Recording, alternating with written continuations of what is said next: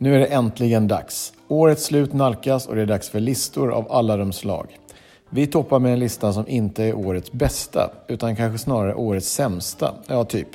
Eftersom vi listar det du inte får göra när du simmar på snabbbanan. Istället för Best of 2018 så blir det alltså Worst of 2018. Topp 12-listan. Nummer 1. När ska du starta? Ja, du ska inte simma ut precis innan den snabbare simmaren ska vända. Då blir hen helt vansinnig och det är ju faktiskt onödigt. Vänta alltså om du är långsammare än den personen som precis är på väg att vända. 2. Vad simmar man på den så kallade snabbbanan? Man simmar frisim. Man simmar inte crawl, man simmar frisim. Det heter frisim. 3. Får man köra benspark på snabbbanan? Nej, man får inte köra benspark på snabbbanan. Du är för långsam för det. Sara Sjöström får köra benspark, men inte många fler än hon. Nummer 4. Hur vilar man om man nu måste vila? Du vilar inte i mitten på banan. Du kommer få en voltvändare i ryggen och det är ditt fel. Vila nära linan, på höger sida. Nummer 5. Vilken klocka använder man när man simmar på snabbbanan? Ja, man använder i alla fall inte en Garmin-klocka eller något annat märke av pulsklockevariant.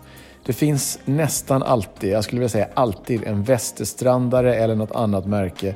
En stor klocka som hänger på väggen. Det är den klockan man ska använda. Pulsklockor använder man inte på snabbbanan. Kommer ni ihåg det nu? Swimrunners och triatleter.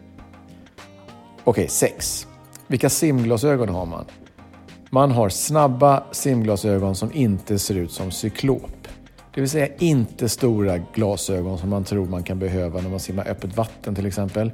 Små glasögon, gärna gamla standard Swedish goggles. Hur vänder man då? Det är nummer sju. Man vänder inte på högra sidan av banan. Man vänder i mitten eller till vänster.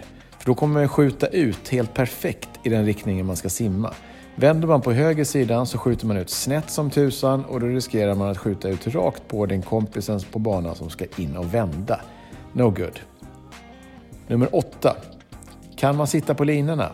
Ja, man kan sitta på linorna, men det ska man inte göra. Nummer 9. Kör man rundbana eller rakbana på snabbbanan? Om ni är två stycken på banan, då väljer den som är snabbast hur man ska köra. Vill hen köra rakbana så gör man det.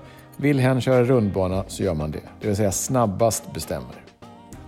Nummer 10. Var har man skåpnyckeln? Ska man ha det runt fotleden? Nej, det ska man inte.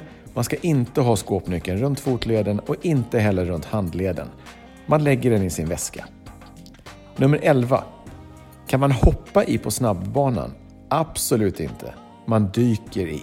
Kan man inte dyka, då ska man välja en annan bana. Då ska du alltså inte välja snabbbanan. Nummer 12. Måste man voltvända? Jajamän, man måste voltvända. Precis som regel 11. Kan du inte voltvända, då ska du inte simma på snabbbanan. Det var de 12 viktiga reglerna, alltså worst of beteende på snabbbanan 2018. Sist men inte minst, hur vet jag då om jag är snabb nog för snabbbanan? Det är väldigt enkelt. Om du blir omsimmad allt för ofta, byt då bana. Och se för allt i världen till att ha en trevlig attityd på snabbbanan. Lycka till och ha ett underbart 2019. Ja, det var alltså alla de reglerna som du behöver hålla koll på för att vara så duktig som möjligt på snabbbanan. Det kan också vara viktigt att ha bra simkläder. De allra bästa hittar du på tyrsverige.se.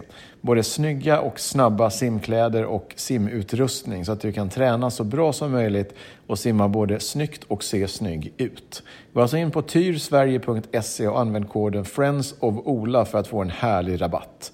Tyrsverige.se. Klicka in där precis nu.